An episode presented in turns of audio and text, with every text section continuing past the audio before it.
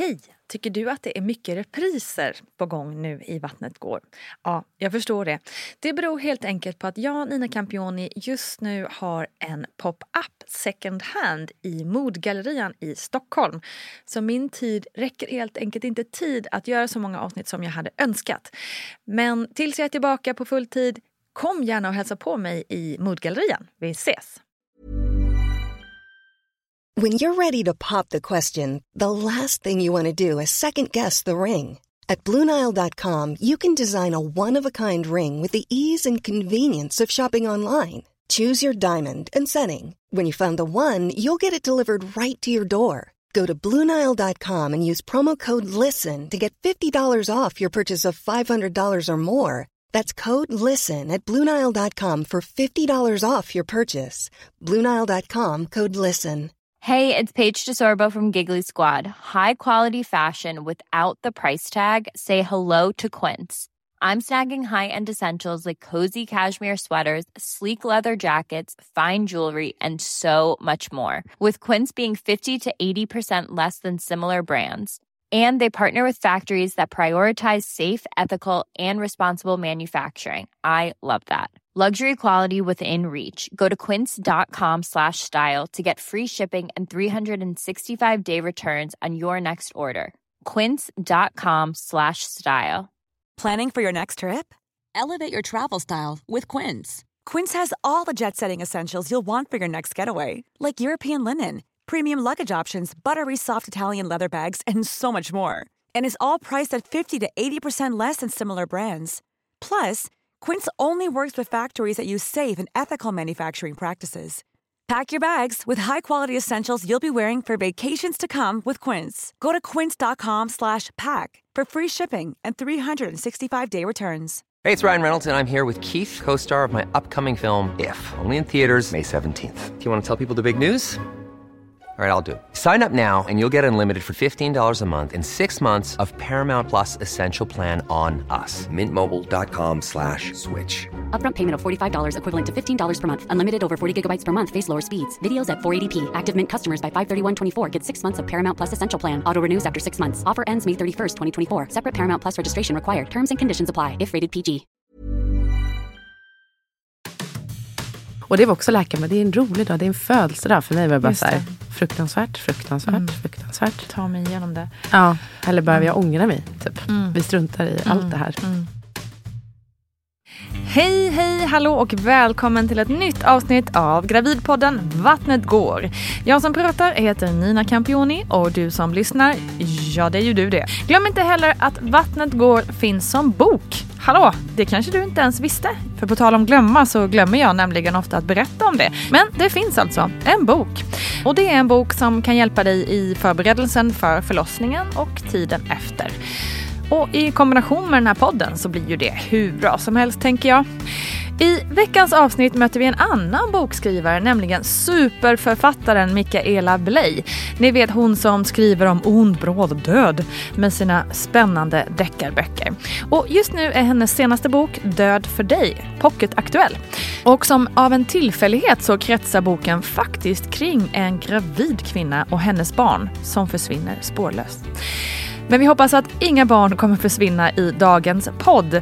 Eller ja, i verkligheten också naturligtvis. Okej, nog om försvunna barn innan vi alla får panik här. Låt oss helt enkelt köra igång. Och som vanligt har vi också barnmorskan Gudrun Abascal med oss.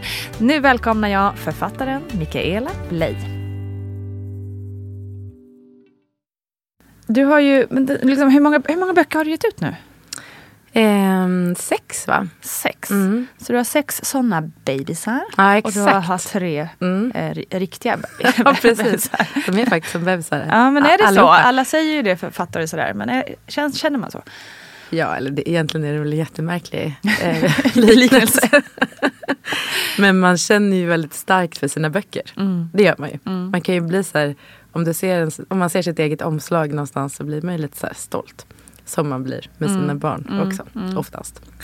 Eh, så på något sätt, man kommer ju väldigt nära dem. Man vurmar ju för dem, Det förstår jag. båda. Ja. Även om mina riktiga barn såklart är en mycket Lite, större bedrift. lite, lite snäppet älskar dem lite mer. Beror på hur mycket vissa böcker först. säljer. Ja exakt, exakt. Det, det, är ju, det har du helt rätt i. Men du, som sagt, du har tre barn. Ehm, hade, var det, hade du liksom någon tanke att det skulle bli tre barn? Tre. Minst. Liksom. Ja men jag har alltid eh, velat ha tre. Mm.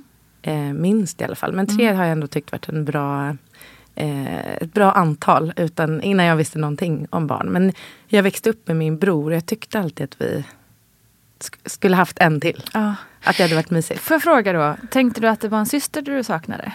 Eller spelade det ingen roll? Alltså det, det gick nog olika. Mm, ibland ville jag ha en storebror. Mm. Jag ville ha en syster. Men sen fick jag en halvsyster. Men då var jag mycket äldre så hon är så mycket yngre än jag. Så vi har aldrig bott ihop på det sättet. Eh, men en syster tycker jag vore supercoolt att Ja. ha haft. För jag upplever, anledningen till att jag frågar är att jag, för jag har samma, jag har en storebror, Mm. världens bästa. Men jag, jag har nog ändå alltid känt att liksom, det hade varit så bra att ha en syster. Eller liksom en stora syster gärna. Som liksom, Man kunde fråga de där sakerna som man inte frågar stora, liksom jag inte frågar storebror. Det är det klart att man hade säkert kunnat fråga honom också. Ja. Men det är någon känsla av att liksom den här ähm, ja, systerskapet liksom skulle vara bra att ha. Nej, men jag håller med. Och sen tycker jag bara på något sätt att, att det blir, jag tror att det blir en bra balans. Och det här är bara en, en, min egna reflektion. Det finns nog inget eh, faktabelägg för det alls. Men, men familjer med tre barn, det, det blir någon annan harmoni man, när föräldrarna blir lite outnumbered också. Att syskonen ändå hittar Mm, det, de kanske något starkare. pakt. Ja men liksom. precis. Mm. Eh, och jag har bara trott att det har varit bra Mm. för en familjedynamik. Men jag har ingen aning. men du vet, sett eh, familjer i ens närhet som har haft tre barn och de har sett sig himla glada ut. Tycker jag. Tänkte att det vill jag också ha. Ja, men, jag- så det ja. har jag nog alltid eh, tänkt. Mm. Och liksom innan, innan det var så, vad, hade du någon tanke på liksom, hur livet som förälder skulle vara? Nej, inte alls. Som sagt, att få barn var en väldigt, eh, har varit ett väldigt här, starkt mål i mitt liv. Mm. Jag vet att, att det ska ske någon gång. Men jag var väl aldrig riktigt så här redo att skaffa barn.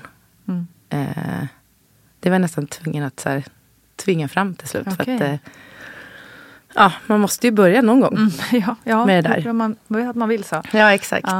Eh, Hur gammal var du då, då när du kände att du måste ta tag i sen var det? jag också väldigt traditionell att jag ville att vi skulle gifta oss först. Mm. Och då var också min man ganska seg på att fria tyckte jag. Eh, så att där efter vi hade gift oss så gick det väl ändå ganska fort. Mm. Men då slutade jag med mina p-piller vet jag. Och då blev man ju väldigt så hormoniellt eh, konstig ändå. Så då trodde jag att vi, hade blivit, att vi var gravida Ja, första, första dagen. liksom. Mm. Eh, för att min kropp kändes så märklig. Och då fick jag panik. Mm. Och typ grät för att det, liksom, det gick alldeles för fort. Men det var jag ju inte. Så jag hade tid ändå att... Men att vad var det du kände då? Det är ju ändå intressant. Liksom. Hur, hur gammal var du då? Då var jag väl 30. Ja. Och vad var, kan du förnimma känslan liksom, som gjorde att du kände den här paniken? Var det något du kände att du liksom inte var färdig med innan du skulle bli mamma? Eller liksom, vad var det? Nej, den var nog bara helt irrationell tror jag. Ja. Och det var samma sak när jag, när jag väl blev gravid med vår första dotter. Så var jag också, hon gick, det gick över tiden typ två veckor. Mm. Och varje dag var jag så här, inte idag, inte idag. Jag är så icke redo. Hur ska jag klara att vara en mamma? Eh, Jag var bara allting. Och jag trodde också att livet skulle bli lite tråkigt och lite Mm. något annat. Mm. Som jag inte alls var redo för. Men eh, oj vad det inte blev något annat. Nej. Alltså det blev ju bara dubbelt så bra. Vad härligt. Ja, så var det verkligen. eh. Så det var så här, vad var jag så rädd för? Mm. Men det kan ju bli åt båda håll också. Så jag hade ju, Alltså, verkligen. hade ju verkligen tur att jag kände så. Men jag tror att det var för att jag så inte längtade efter det. Mm. Jag hade noll förväntningar. Mm. Och rädd att man inte skulle tycka om sitt barn. Eller ja, men rädd för allt som skulle kunna hända. Och, och sen bara blev man väldigt kär i sin lilla bebis. ja, bästa känslan. Men var det någon, den här liksom lilla liksom rädslan och det, var det någonting som levde med dig i hela graviditeten, den första graviditeten? Liksom att usch, vill jag det här? Eller liksom, Ja, ehm, men bara att jag längtade inte till det. nej. Alls. Det är nog i sig, det kan jag också relatera till och säkert många förstagångsföderskor också. För man vet ju inte riktigt vad det är. Nej exakt, liksom. du har ingen aning Nej. om vad, du, vad, vad för känslor som ens kan uppstå. Eller vad, ja, det är ju helt främmande mark. Mm, Rakt igenom. verkligen. Eh, Så att jag... eh, Ja, men, men jag tror ändå att man kan säkert ha mycket högre förväntningar. Och så Precis. blir det tvärtom. Exakt. Mm. Ja det finns ju både och Ja, naturligtvis. och det hjälpte säkert mig att jag inte hade några förväntningar på det. mm. Och jag var också så här innan eh, förlossningen, eller innan due date. Så gick jag så här och shoppade. Alltså jag hamstrade som en galning. Alltså jag köpte så här schampoflaskor för ett år framöver. Jag köpte så allt för ett år framöver. Som Ja, att jag aldrig kommer, jag kommer, aldrig, kommer aldrig komma ut igen någonsin. Och sen efter typ tre dagar så var jag köpte nytt schampo. Nej, men det var, jag, jag vet inte vad jag hade för konstig bild av föräldraskapet. Men den var inte, jätte, inte jättehärlig. För man har ju ganska många vänner och folk runt omkring sig som också blev väldigt förändrade när de fick barn. Och det var nog lite mina skräckexempel.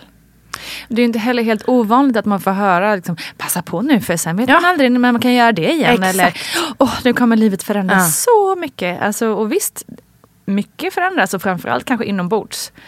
Men det betyder ju inte att man aldrig någonsin kan gå utanför Nej. dörren eller liksom gå på bio eller Nej. nju- njuta av livet. Liksom. Nej, nej verkligen. Så att jag tycker att för livet, livet inte alls blev så eh, förändrat. Utan mer på det positiva bara. Mm. Att det, var, var en till liten mum, mumsbit där. Ja, Och att jag hade helt plötsligt eh, en till att älska. Och älska så mycket. just det.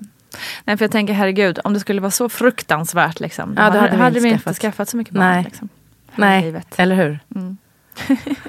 Men ehm, ja, det är roligt när man tänker på det. Det här är ju ändå då 11 år sedan Mm.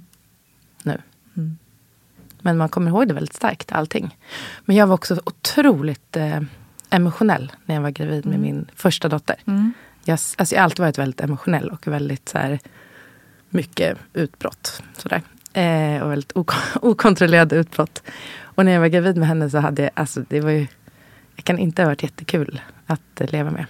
Jag var så emotionell. Okej. Och grät och skrek och grät och skrek.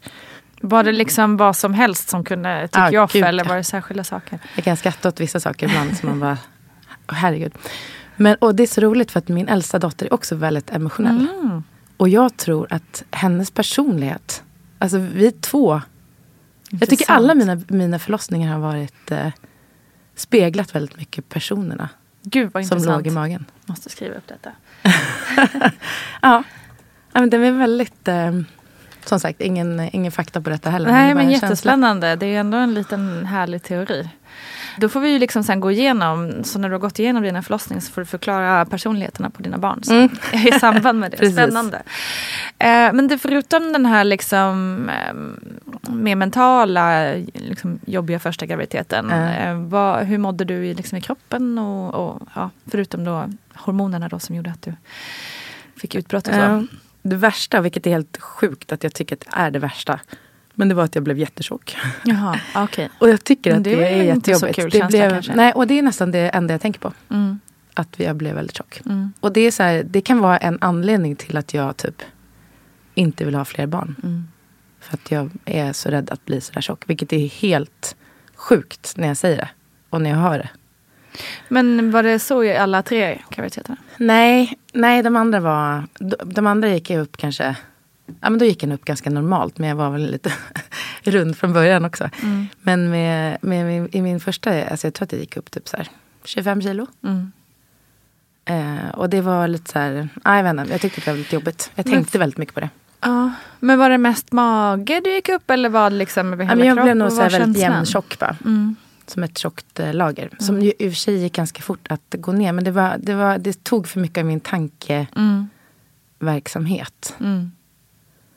Mm. Och sen det är ju mycket snack om vikt och sånt. eh. Alltså, Man ska hålla på och gå och väga sig. verkligen. Och, Mm.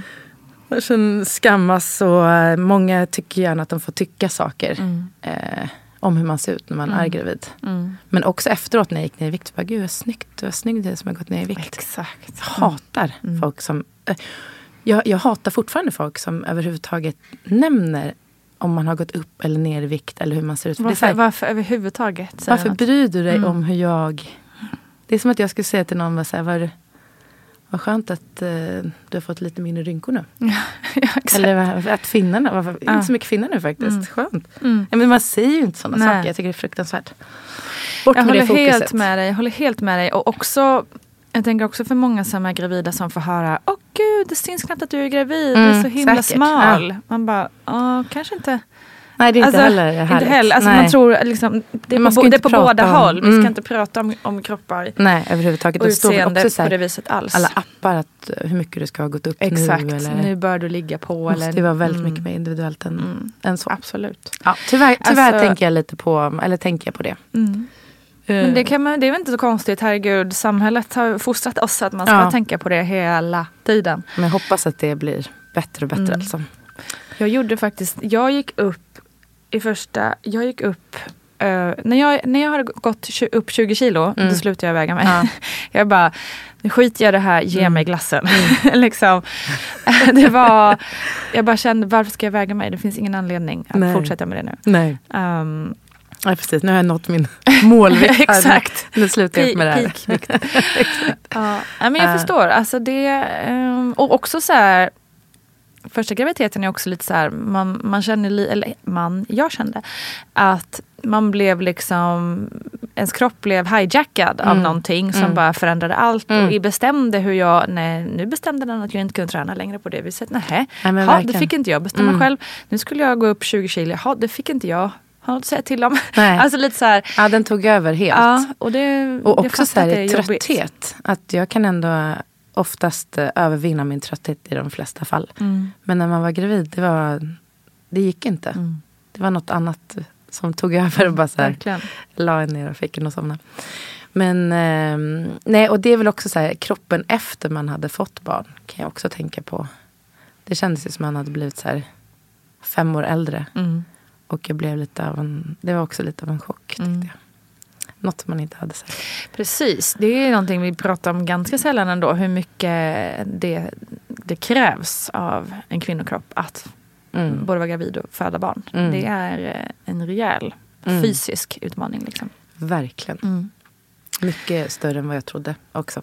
Ja. Jag ville ju ha kejsarsnitt för att jag är så rädd för allt. Jag, och jag gillar kontroll. Och, Mm. men av någon anledning så fick ändå min barnmorska mig på andra tankar. Mm. Fast jag var väldigt bestämd, har varit bestämd hela mitt liv att jag är inte intresserad av att föda barn. Jag är inte ens intresserad av hur det känns. Helt onyfiken Mm. på det.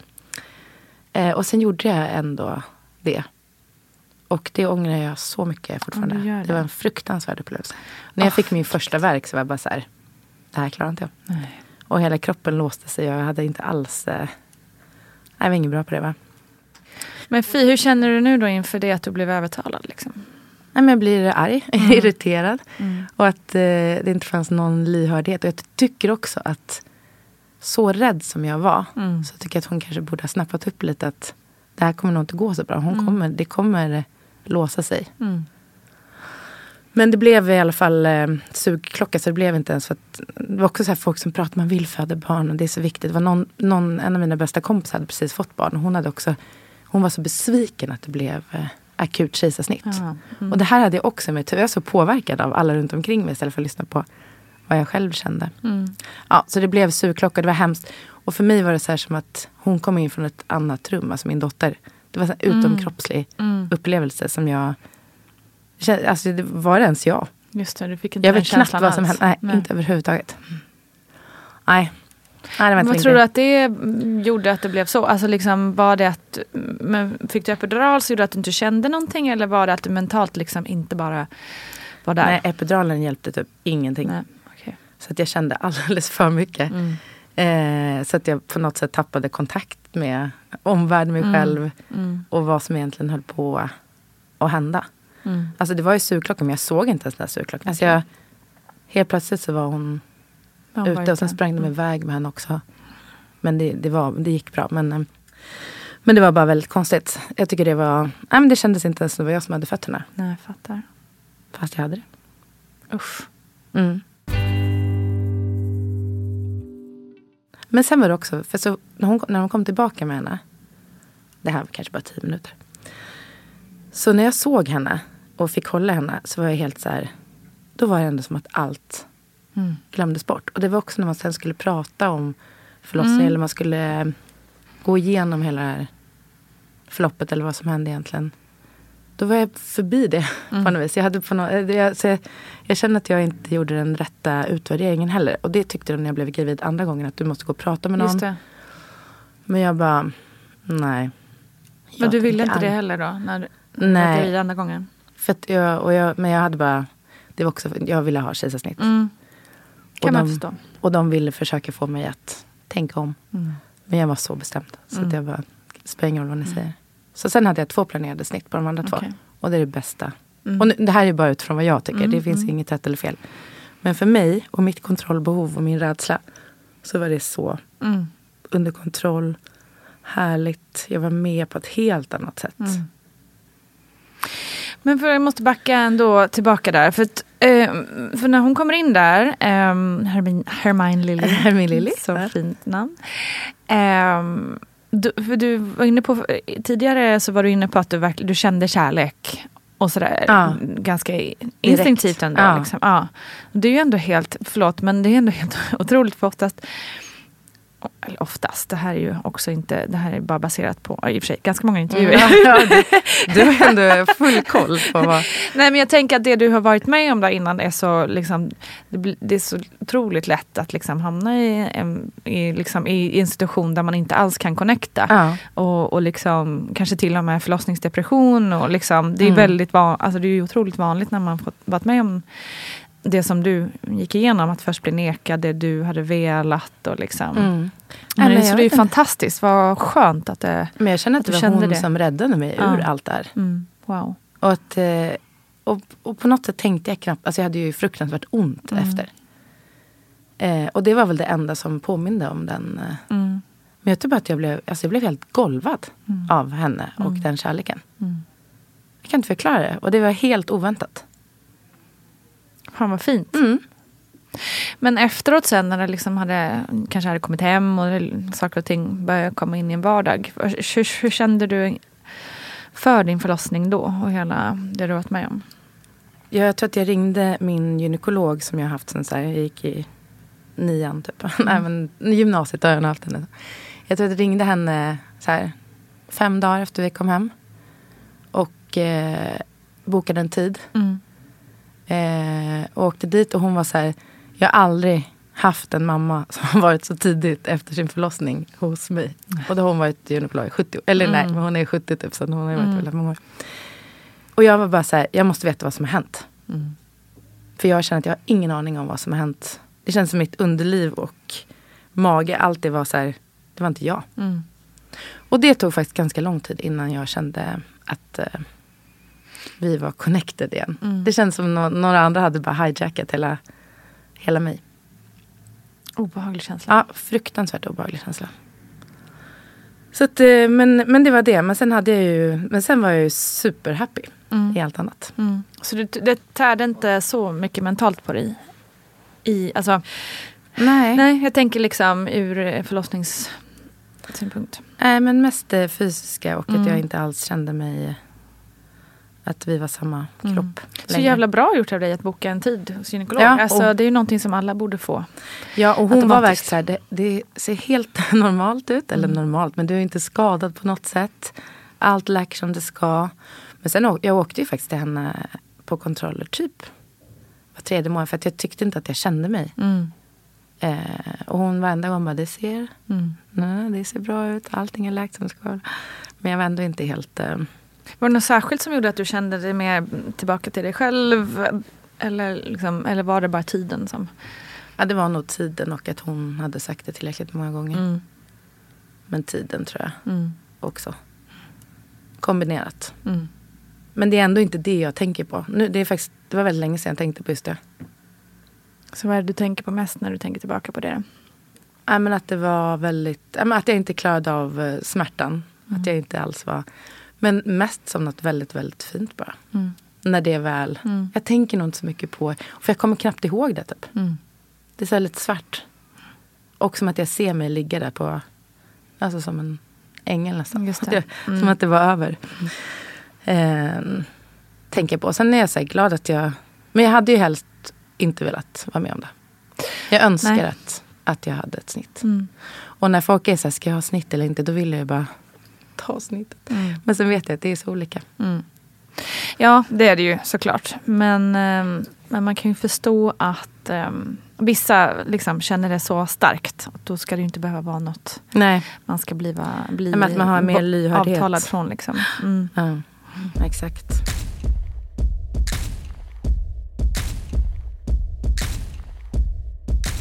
Så vad kände du då när det var, nu ska vi se, det är två år mellan Mm. ungefär, eller hur? Till Douglas Mm, precis. Var du någonsin så här, nej jag vill absolut inte ha fler barn på grund av det här? Eller? Nej. Nej. Tvärtom. När vi åkte från BB så var vi så här, vi ses snart. Mm. Igen. Wow. Fast på ett annat sätt. Mm. Då ska det vara snitt. Men eh, ja. Och så var det när Douglas föddes också. När vi åkte därifrån var vi ses snart. Vad coolt. Men, och det var ju en mycket härlig upplevelse Mm, också. Det mm. var ju så härligt rakt igenom. Men, eh, nej, men då var jag så säker så jag bara sa ju till min barnmorska direkt. Jag bytte barnmorska också. Och sen sa jag Mm. direkt bara att jag tänker ha snitt. Mm. Men med honom var det faktiskt också en ganska... Nej men det här är ju faktiskt det, det jag tänker på. Ja. Det här är ju, det här är min livshistoria. Jag Ja. jag glömt berätta det? Eh, med här med Lille, när jag blev gravid så fick jag en eh, typ blödning i vecka 10. Okej. Eller ännu, ja men väldigt nära vecka 12 i alla fall. Mm. Eh, och då trodde jag att det var att jag fick missfall. Mm. Så då åkte vi in eh, till typ gynakuten eller vad man åker in till. Och då sa man, ah, men det är, en, det är fortfarande en kvar. Jaha. Så det hade jag fått typ, det var två ägg som man befruktade med jag hade fått ett, ett missfall. Ja. Som tydligen är ganska vanligt. Ja, Eh, men som man inte vet om. just det. Och, eh, och då sa de också bara, men du kanske har lätt att få tvillingar. Typ. Mm. Eh, och sen när jag blev gravid med Douglas så kunde inte Dag följa med på, jag åkte på något tidigt ultraljud typ vecka åtta. För vi skulle åka iväg sen och då ville jag veta. Och då var det tre ägg som var befruktade. Men ja, Vilket wow. ju var sinnessjukt. Och Dag var inte ens med, han stod typ hos, eh, och hämtade här med Lilly på dagis. Ja. Och hon, för då gick jag också till min gynekolog när hon var, och hon var så här, hon var i chock. Alla var i chock. Och jag gick ut på gatan och hon typ sprang efter och bara, ska jag ta en taxi till dig? Och, men det hon sa ju också, det är tidigt så att man vet inte. Men just nu är det tre, liksom, Tre, ägg som mm. är Mm. eh, befruktade. Så det var ju sån chock. Och då, vi, vi vågade inte ens, vi kunde inte ens berätta det för inte ens våra föräldrar. Nej. För vi var, vi var också så här, livet är över typ. Mm. Och vi hade sett dagen innan i Humlan i lekparken. Några som kom med så här fyrvagn, två nere Mm. och två uppe. Och vi hade så skrattat lite åt det. Ja. Aldrig sett någon innan, aldrig sett någon efter. Men just då såg vi den. Just där och då kom de. Och sen Som en föraning. Ja, och sen var det, för det är ju otroligt riskfyllt också. Det, det finns ju nästan inga fördelar med det. Eh, men sen så då när eh, vi gjorde ultraljud typ tre veckor senare. Så var det en kvar. Men då hade det jag inte fått någon, haft någon Nej, blödning. Okej, intressant. kan man tydligen också få. Ja. Alltså det är ju inte konstigt heller då om, om många har haft fler liksom. Nej, och jag tror att det här är mycket vanligare än vad mm. man, eh, vad Mm. man tror. Men jag kände att det var någonting för att jag var helt också eh, förstörd av, alltså i början när jag var gravid med Douglas. Så det kändes som att det var Det kändes som något hade tagit över hela mig och att Mm. det inte bara var ett då. Liksom. Just det. Men sen fick vi dåligt på hans kubbtest. Jaha. Eller dåligt. Ja, jag tror, att- eller för oss var det en, en på 199. Tror jag. Mm. Mm. Och där är jag så förbannad när jag tänker på alla som var inblandade. Så att jag blir så här, Okej, berätta. blir bemötta på ett så... Det är ju en sannolikhetssiffra. Mm. Eh, Mm. vilket är svårt att förstå. Mm. Det är så här, det, vad säger det Mm. egentligen? Du måste själv tänka. Och det var också så här, jag kommer ihåg att läkarna, han tog upp händerna som en vågskål och så sa han, ja, ni kan ju göra fostervattenprov. Eh, eller så gör ni inte det. Och det är ungefär lika stor chans att, att något går fel. Mm. Mm. Och man bara, Okej, tack. Tack för det. Så oavsett vad så typ kommer det inte. Och det var också på, på en av, eh, inte på Downs syndrom utan på det andra där de inte kommer klara sig. Så det var därför det är så här, det är en, att. Ja, den, ja, ja. att den dör. Det är liksom så lika vilket stor spelar chans. ingen roll vad vi gör, det kommer Nej. liksom gå åt helvete med båda. Ja, typ. om det går åt helvete så går det åt helvete. Eh, så det var, det var så här, om, om den kommer klara förlossningen så kommer den klara någon vecka. Typ, Mm. Om det klarar sig. Och det, var- det var så hemskt. Jag kommer att jag låg och kollade på typ Downtown Abbey i soffan och pratade inte med någon. Men sen så gjorde vi fostervattenprov. Och hur kom ni fram till det beslutet till slut? Just för att i sånt fall, att den skulle vara så sjuk i sånt fall. Mm. Och sen stämde allting annat var bra. Eh, alltså det var inte så att den är, kon- jag, jag, jag kommer inte ihåg alla svängar. Men vi alla var bara så fruktansvärt otrevliga och hade noll förståelse för att det här var ett svårt beslut. Att vi tyckte det var jobbigt. Och man fick ingen, ingen hjälp. Så på, ett- på, på ett tredje Harper då. Då gjorde jag sån NIPT-test. Ja, just det. Då hade det jag- kommit. För det fanns inte då när Man fick Douglas... betala för det, även om man får det. Just det, det kom, ja precis. Han är nio. Ja, för jag kommer ihåg när S, för SC är ju nu... Ja men det var någonstans där kring som det började bli mer Ja, men nej, men Douglas fanns det vanligt. inte. Nej, då hade exakt. vi gjort det. Exakt, jag kommer också ihåg att jag hade precis börjat med den här podden tror jag. Ja. Eh, och det är ju sju Ja, år kan sedan. stämma. Och, och då hade jag med Amanda Schulman. Vi Mm, pratade om mm, det innan mm. att podden gjordes på deras produktionsbolag. Och hon hade ju gjort NIPT. Mm. Ehm, och då var det ganska nytt liksom. Och Vi har ju barn som är precis lika gamla. Mm. Eh, ja, men för att jag var så här, aldrig att jag gör en sannolikhetstest. För det kommer bara göra en förvirrad. Mm. Det är ju, du får ju inga svar. Du får ju bara så här, och när du är en lekman, jag kan ju ingenting om... Alltså en, en läkare kanske har lättare att analysera en sannolikhetssiffra än vad jag själv har. Nej, fy, det var hemskt. Men det blev ju, allt gick ju bra. Allt gick till bra. slut. Du, eh, vilka olika sätt finns det för fosterdiagnostik idag?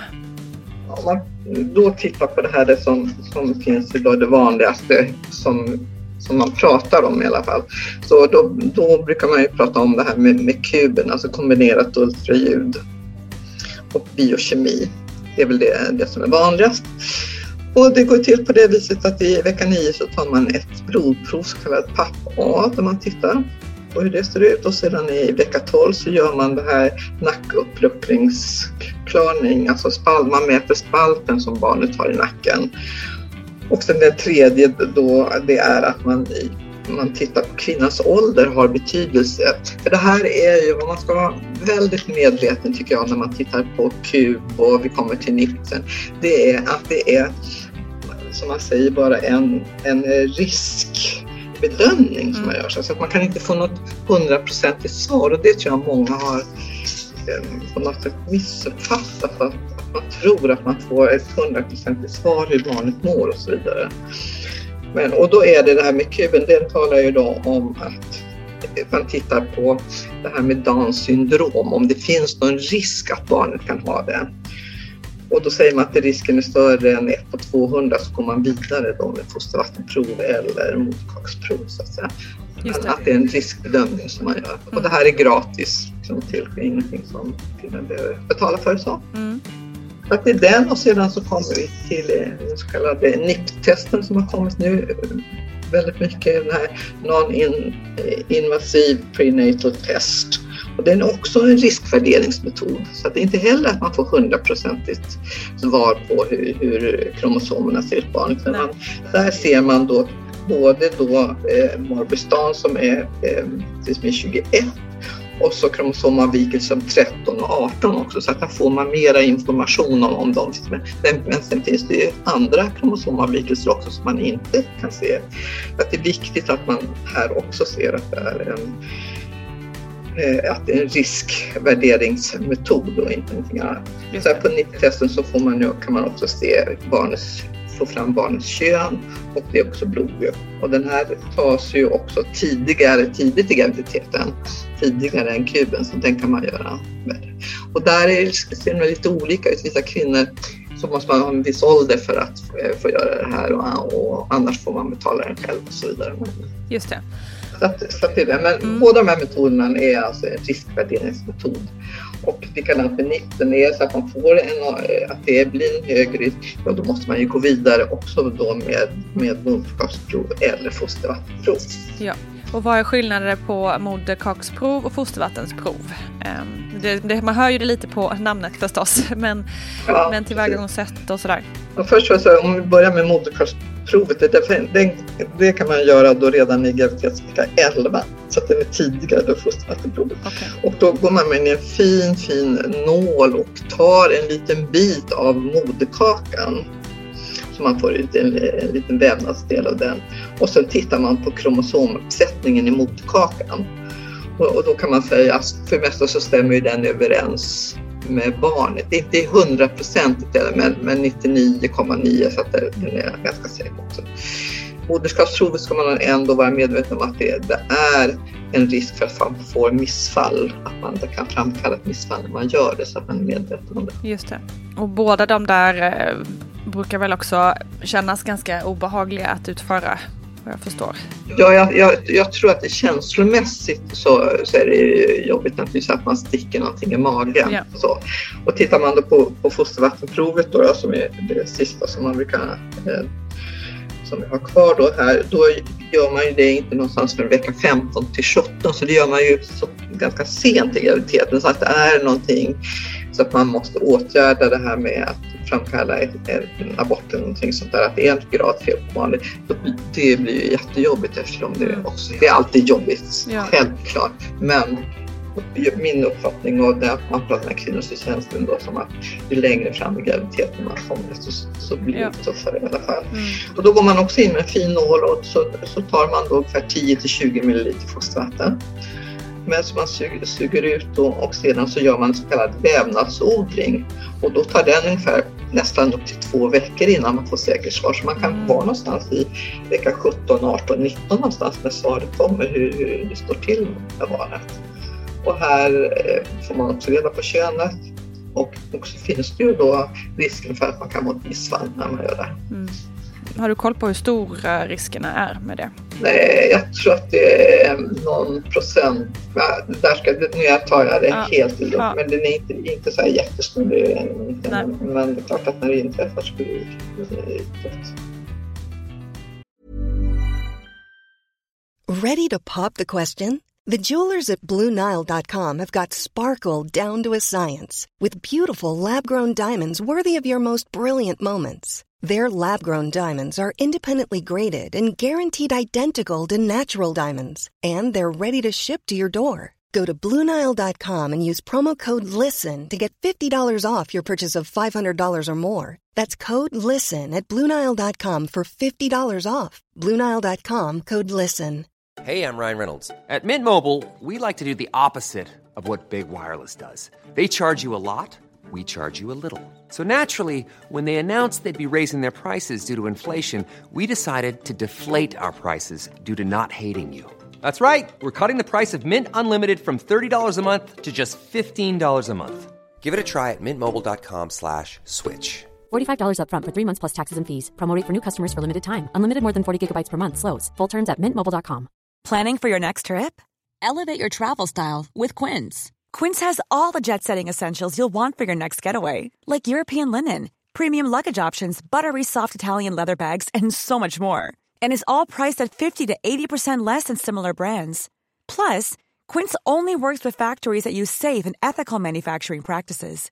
Pack your bags with high-quality essentials you'll be wearing for vacations to come with Quince. Go to quince.com/pack for free shipping and 365-day returns. A lot can happen in 3 years. Like a chatbot may be your new best friend. But what won't change? Needing health insurance. United Healthcare tri-term medical plans underwritten by Golden Rule Insurance Company offer flexible, budget-friendly coverage that lasts nearly 3 years in some states. Learn more at uh1.com. Quality sleep is essential. That's why the Sleep Number Smart Bed is designed for your ever-evolving sleep needs. Need a bed that's firmer or softer on either side? Helps you sleep at a comfortable temperature? Sleep Number Smart Beds let you individualize your comfort so you sleep better together. JD Power ranks Sleep Number number 1 in customer satisfaction with mattresses purchased in-store. And now, save 50% on the Sleep Number limited edition Smart Bed for a limited time. For JD Power 2023 award information, visit jdpower.com/awards. Only at a Sleep Number store or sleepnumber.com.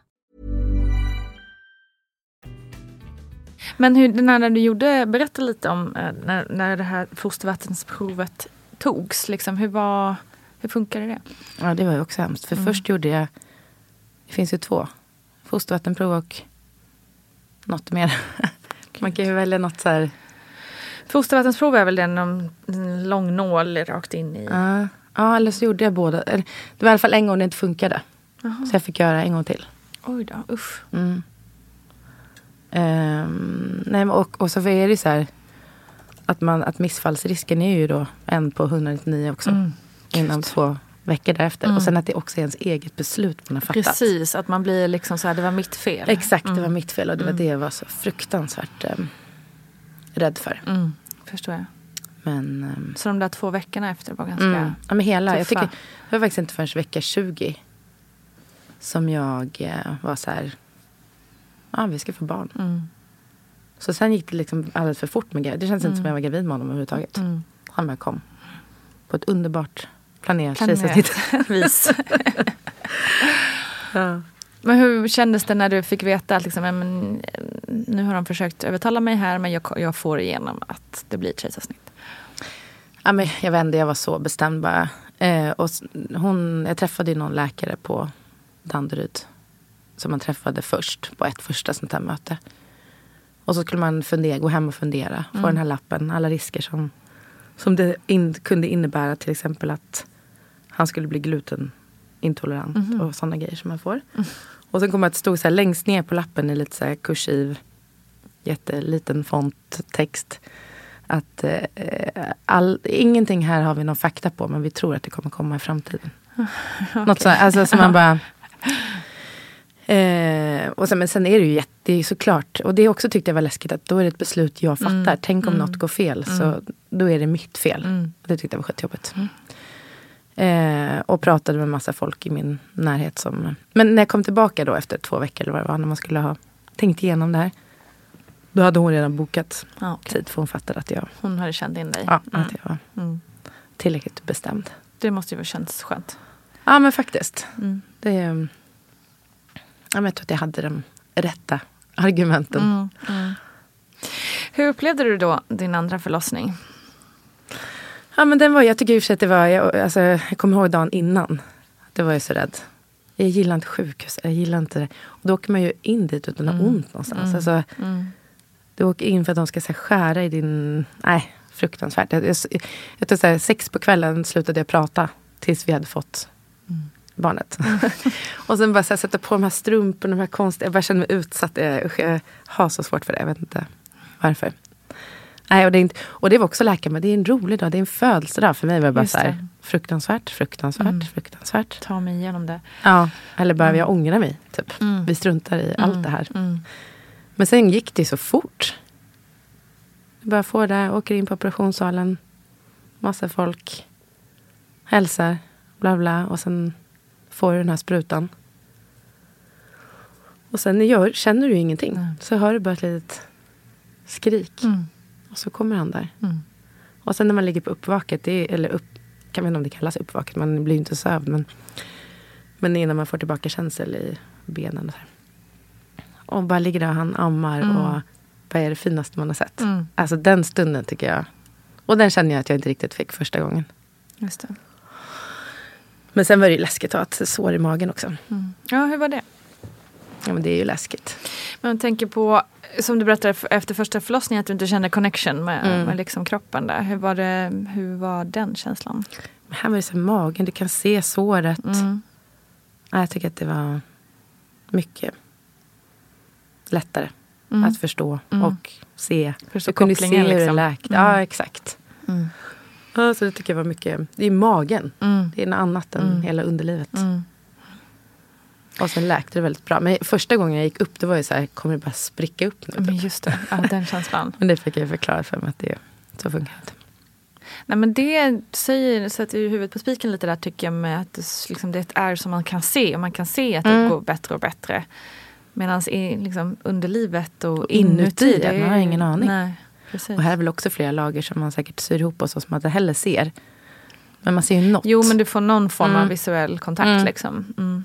Jag fattar verkligen hur du menar.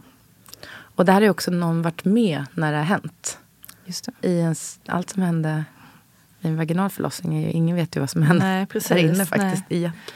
Nej sant, det finns ingen kamera där inne Nej. som kollar runt. Liksom. Nej, exakt. Mm.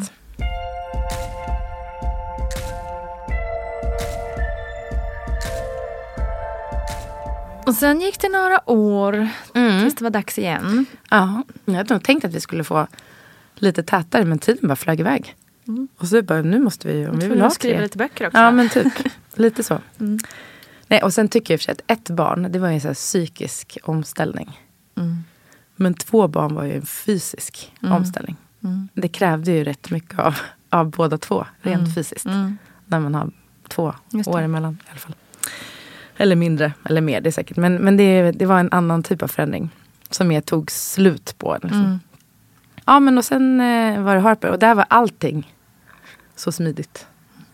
Det var bara en från början. Mm. Inga känsloutbrott, ingenting. Lugnt, eh, fint. eh, Alla prover var alltid bra. Mm. Gick inte upp så mycket vikt. Ja, det var liksom min bästa. Bästa graviditet. Ja, Är Harper väldigt lugn ja och stabil? hon är det. Hon Ja. är så här super, men det är, det, hon är superlugn, stabil. Mm. I och för sig har vi aldrig varit på sjukhuset så mycket som just med henne. För att hon är tre, en 3D. Och hon stoppar i sig allt. Alltså det har liksom hänt mycket sånt där Ja, ja. istället med Mm. henne.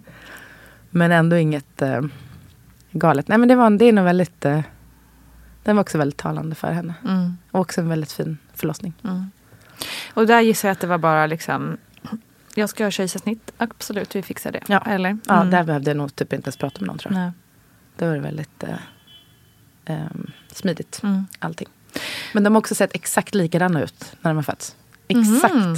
likadana. Alla tre eller, bo, eller? Alla tre. Alla tre. Förutom Ja, att Douglas är rödhårig och han hade rött hår. Men Okej. annars har de, hade de haft precis samma Nej, ansiktsformer och Mhm. kroppar och vägt exakt lika. Nej, men, Vart det är de där trillarna, trillingarna du aldrig Ja, fick. exakt. De bara kom vid, ja, vid olika tillfällen istället. Ja, vad intressant. Eh, och sista var jag faktiskt också på BB Stockholm, vilket jag inte vågade vara på någon av dem innan. Eh, och det var jättefint också Mm. tycker jag.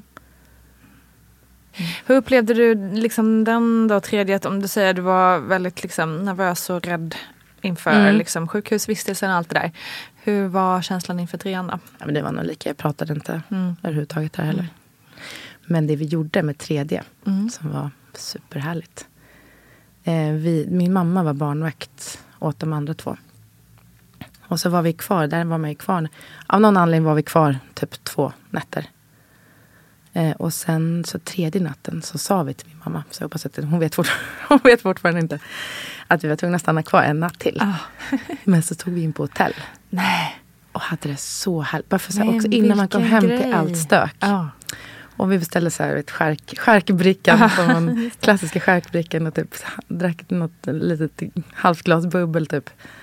Ja, det var så mysigt. Men vilket jäkla topptips alltså. Ja, det var... Och man bara hann landa lite Ja. innan man kom hem. Och Ja. skulle liksom hålla koll på alla tre barn. Mm. Men det roliga var också med Harper för att eh, hon... Jag, jag gick... För, nej, men vi hade gjort det där NIP-testet med henne. Mm. Och så ringde min barnmorska och sa allt ser jättebra ut. Vill du veta vad det är för kön? Mm. Eh, och då var jag precis på dagis och bara, nej men gud, kanske jag vill veta sen då. Eller någonting. Och så fick vi hem, hon bara, men skicka brevet så kan ni öppna det tillsammans. Och Mm. sen fick jag sån, sån så här, ambitionsångest att det här skulle vara en sån jättegrej. Aha. När vi skulle öppna kuvertet och Ja. folk bakade det. och det var ballonger. Det var, Gender reveal party. Ja, exakt. Mm. Och så var vi så här, ska vi öppna nu? Bara, nej men är det tillräckligt kul det. nu? nej, nej, det här känns inte alls festligt. Bara, nej, vi väntar lite, vi väntar lite, vi väntar lite. Och så till slut så bara, hade det gått så sju månader och vi hade fortfarande inte öppnat det här kuvertet. Så bara, äh, men då får vi, skiter i det då. Ja. Öppna det. Och jag är inte alls en sån som kan hålla mig så. Men av någon anledning så bara gjorde vi inte det. Vi hade en tjej och en kille, det var inte så intressant. Men vi hade inte heller köpt någon, alltså jag, vi hade inte ens landat i att vi skulle få barn. Typ. Så dagen innan typ, vi skulle till för snittet. Så gick jag in på Bonti typ och bara så här, vad behöver jag ens? En- Jag ska få barn här. Och då så sa hon bara, men du måste, du måste ju ha sån här eh, för eh, bröstvårtorna, Ja, att man har det. någon Mm, kräm. Eller. Mm. Mm. Jag bara, nej, nej, nej, det behöver inte jag. Jag har ammat två barn, det har gått så bra. Och, eh, och så gick det bra, hon började amma som hon skulle. Men sen när vi kom hem så fick jag mjölkstockning. Och det har jag aldrig haft tidigare. Nej. Aldrig. Och jag fick ju blodförgiftning. Alltså jag fick allt för Åh, att eh, alltså det var fruktansvärt.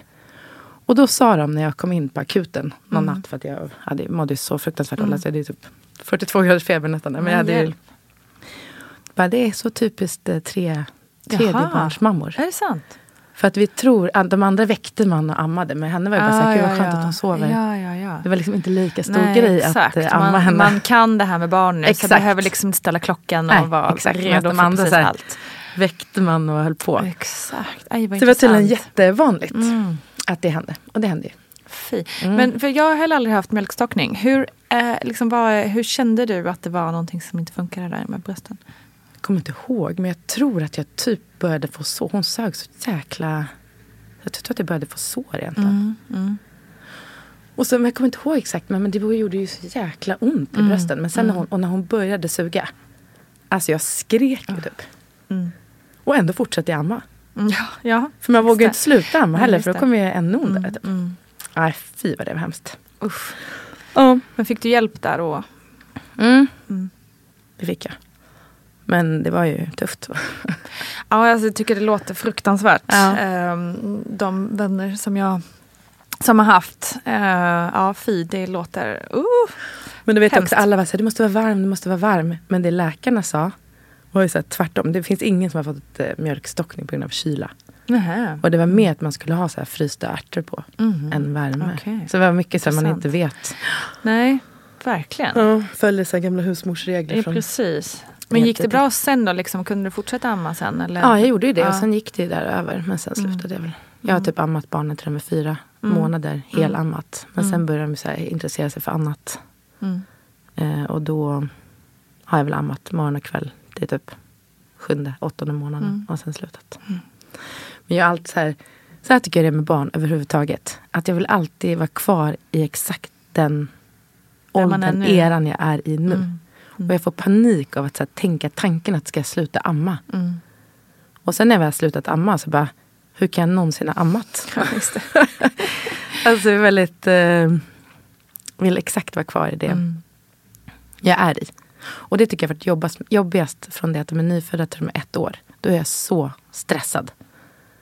Att det, så här, det går för fort. Mm. Eh, min lilla bebis, min lilla bebis. Men så fort de blir ett tycker jag att det släpper. Men också oron kring allt. Det är ju rätt Ah, tufft herregud. första året. Ja, det är det. Samtidigt som det är jättemysigt. Men eh, ett, jag tycker i och för sig ett till två år är minst härligt.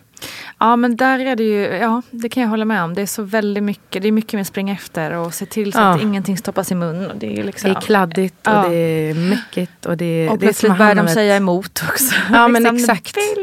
Men man kan ändå inte prata med dem. Eller man kan inte kommunicera och det går förklara. att, precis. Och det är som att hand om en, en, ett fyllo dygnet runt. Ja. Som aldrig lyssnar och bara fortsätter. Mm. Och så fort de blir två är så gulligt. Så man Mm. måste ju alltid ha en tvååring. Typ.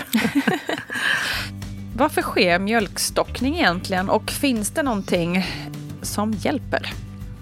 Ja, mjölkstockning det innebär ju då att, att en eller flera mjölkgångar i bröstet täpps till av mjölken som, så att det blir som en klump där. Och mjölken kan inte rinna ut. Alltså mjölken stockar sig och det brukar kännas som en knöl eller en förhårdnad för bröstet. Och eh, ofta så, sen finns det lite olika anledningar till, till det, att varför kan man få en sån här mjölkstockning och det kan vara då att barnet tar för lite tag om bröstet så att det är viktigt det här med stort gap och de sträcker ut tungan ordentligt så att det blir ett ordentligt tag om, eh, om bröstet. Och eh, likadant om utdrivningsreflexen som ska, eh, ska rinna till hålls tillbaka, att man inte får igång den kan också göra att det stockas mjölk bakåt så att säga. Och om amning gör ont så är det ju lätt att man spänner och så, så får inte utdrivningseffekten full, fullt utrymme och då kan det bli så. Och eh, likadant om man använder amningsnapp eller bröstpump som en del som har svåra bröstvårtor så kan det också vara så att bröstet inte töms riktigt ordentligt och därför så blir stockningen. Och det sista, och det kan inte jag så mycket om, men jag har fått lära mig det att har man en bh som sitter för hårt å så att det då trycker mycket på mjölkgångarna så då kan det vara ett, eh, ett problem så att säga, i det hela. Och vad finns det då man kan göra för eh, om, om det nu blir så här? Finns det några bra husmoderstips att eh, bli av med det? Ja, det här då att man fortsätter att amma Och när barnet visar att det vill amma så, så tar man vara på de tillfällena, även om det är tätt emellan. För, för det gäller ju då att barnet ska suga på bröstet så mycket för att få ut mjölken och den här klumpen ska lossna. Just det. Så att det, är så, och det kan ju vara lite tufft om det gör ont och så vidare men, men står man nu så brukar det ändå många gånger hjälp i alla fall och att barnet suger väldigt mycket aktivt i början så att det verkligen får ta i till ordentligt. Och sen att barnet ligger hud mot hud eh, tycker jag också är en sån här jättebra grej att tänka, tänka på. Ta barnet kläderna och dina kläder också så att det verkligen blir hud mot hud. För då stimuleras det här hormonet oxytocin ännu mer och oxytocinet är ju, driver ju fram utdrivningsreflexen och mjölken och alltihopa så att det är bra att utnyttja, utnyttja det. Och eh, likadant att man kan själv få lite massage eller någonting sånt där så driver det på oxytocinet också. Just det. Sen det här med, med, att barnet också får ett bra tag, som vi sa lite tidigare här då, att barnet gapar stort, verkligen se till att gapa stort och sträcker ut tungan så att tungan kommer ordentligt ut på, på bröstet för det här lilla ett litet tag försämrar det hela. Och sedan så kan man försiktigt, försiktigt stryka med eh, handflatan lite lätt över det här området. Men inte trycka till utan mer att man masserar över det här hårda området. Ut mot bröstvårtan, alltså från knölen och så ut mot bröstvårtan. Och sen kan man också försöka mjölka ur med, med hand eller pumpa om det är svårt att få barnet att suga ordentligt så kan man. Eh, Just det. Eh, vi pratade lite, eh, jag och Mikaela, om det skulle, om man skulle, en del säger att man kan värma brösten och en del säger tvärtom att man ska kyla dem. Vet du, har du? ja, ja nej, men det, alltså där, värme är i alla fall det man re rekommenderar som absolut vanligast. Och det finns ju till och med de som att man ska sätta på ugnen. Man ska skämt eller inte, men sätt på ugnen och sätt dig framför ugnen. Och så. Bra eller dåligt, det vet jag inte. Men annars så finns det vetekuddar och allting annat. Men värme är absolut det vanligaste. Sen har nu jag mera fått det här att, att kyla, att man kan använda kyla om man har, har ont. Mm. Så kan en del tycka att kylan att det lindrar liksom för smärtan.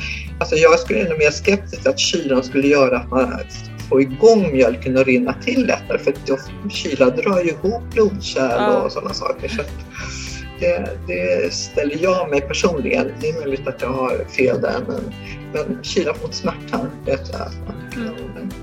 Och så finns det smärtstillande läkemedel som man kan ta också och då är det paracetamol som, eh, som man ska ta jag, jag, tycker att är det så att man får mjölksocker och man känner sig osäker på hur ska jag göra nu så ta kontakt med BVC och någon som är amningskunnig och få hjälp så att man inte väntar för länge. Det. För det tycker jag ibland att man håller på själv och provar olika grejer och vet inte riktigt och så vidare. Och ju tidigare man får, söker hjälp och får hjälp desto lättare löser man problemet. Så det är väl bara det jag skulle vilja rekommendera er verkligen alla.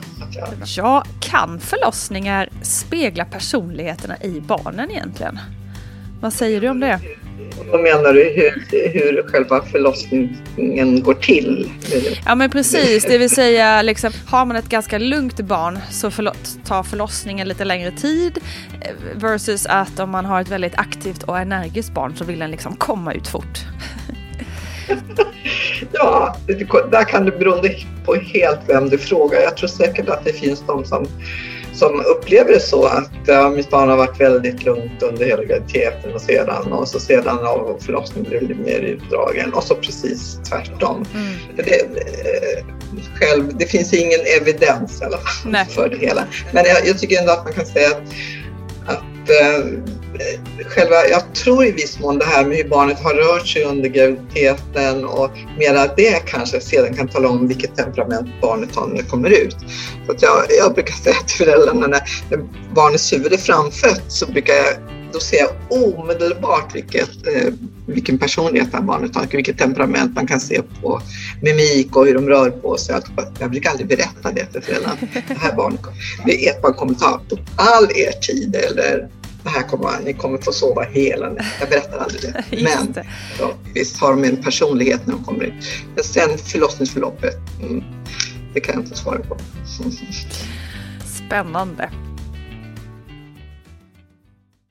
Men du, eh, innan vi avslutar, har du något tips som du vill skicka med förutom att ta in på hotell? en natt? Ja, det är faktiskt lifehack. Mm. Ta in på hotell. Eh, nej, men jag tror bara att lyssna till sig själv och inte lyssna till alla andra. Det kanske är lättare sagt gjort när man inte eh, har gjort det eh, innan. Men i alla fall när man kommer till bebis två, då borde man kunna mm. lite mer lita på sig själv. Mm. Men folk tycker och tänker så otroligt mycket. Jag vet inte varför folk har ett behov till det, för det. Men, um, men det är väl också så här, innan man fick barn och alla berättade sina förlossningshistorier. Mm. Man, det gick ju inte att lyssna på dem för att har man inte upplevt det på något sätt så det går ju inte ens att...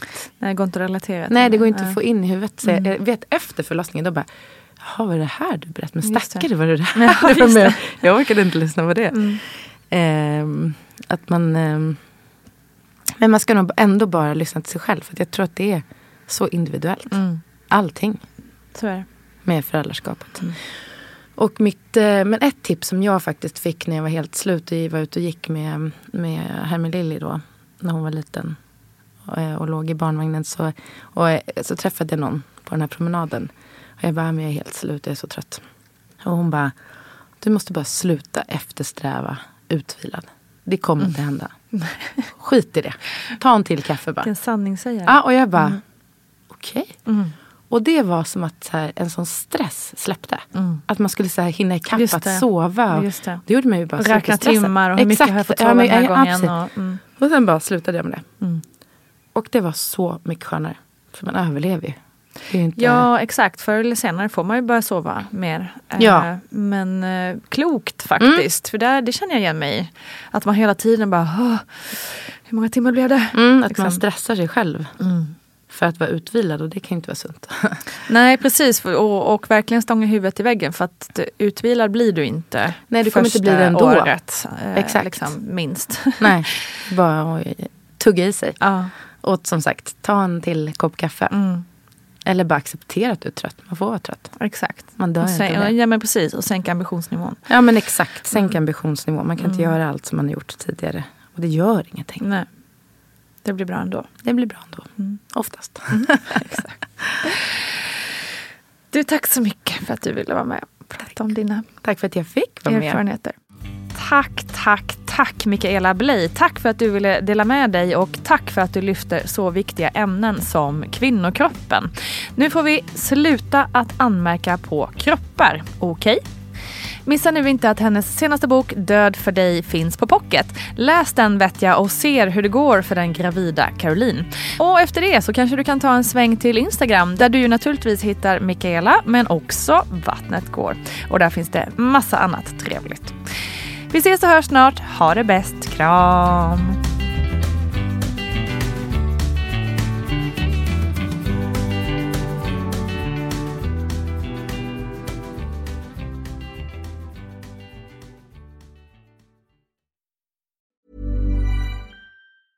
Ever catch yourself eating the same flavorless dinner three days in a row? Dreaming of something better? Well, HelloFresh is your guilt-free dream come true, baby. It's me, Gigi Palmer. Let's wake up those taste buds with hot, juicy pecan crusted chicken or garlic butter shrimp scampi. Mm. Hello Fresh. Stop dreaming of all the delicious possibilities and dig in at HelloFresh.com.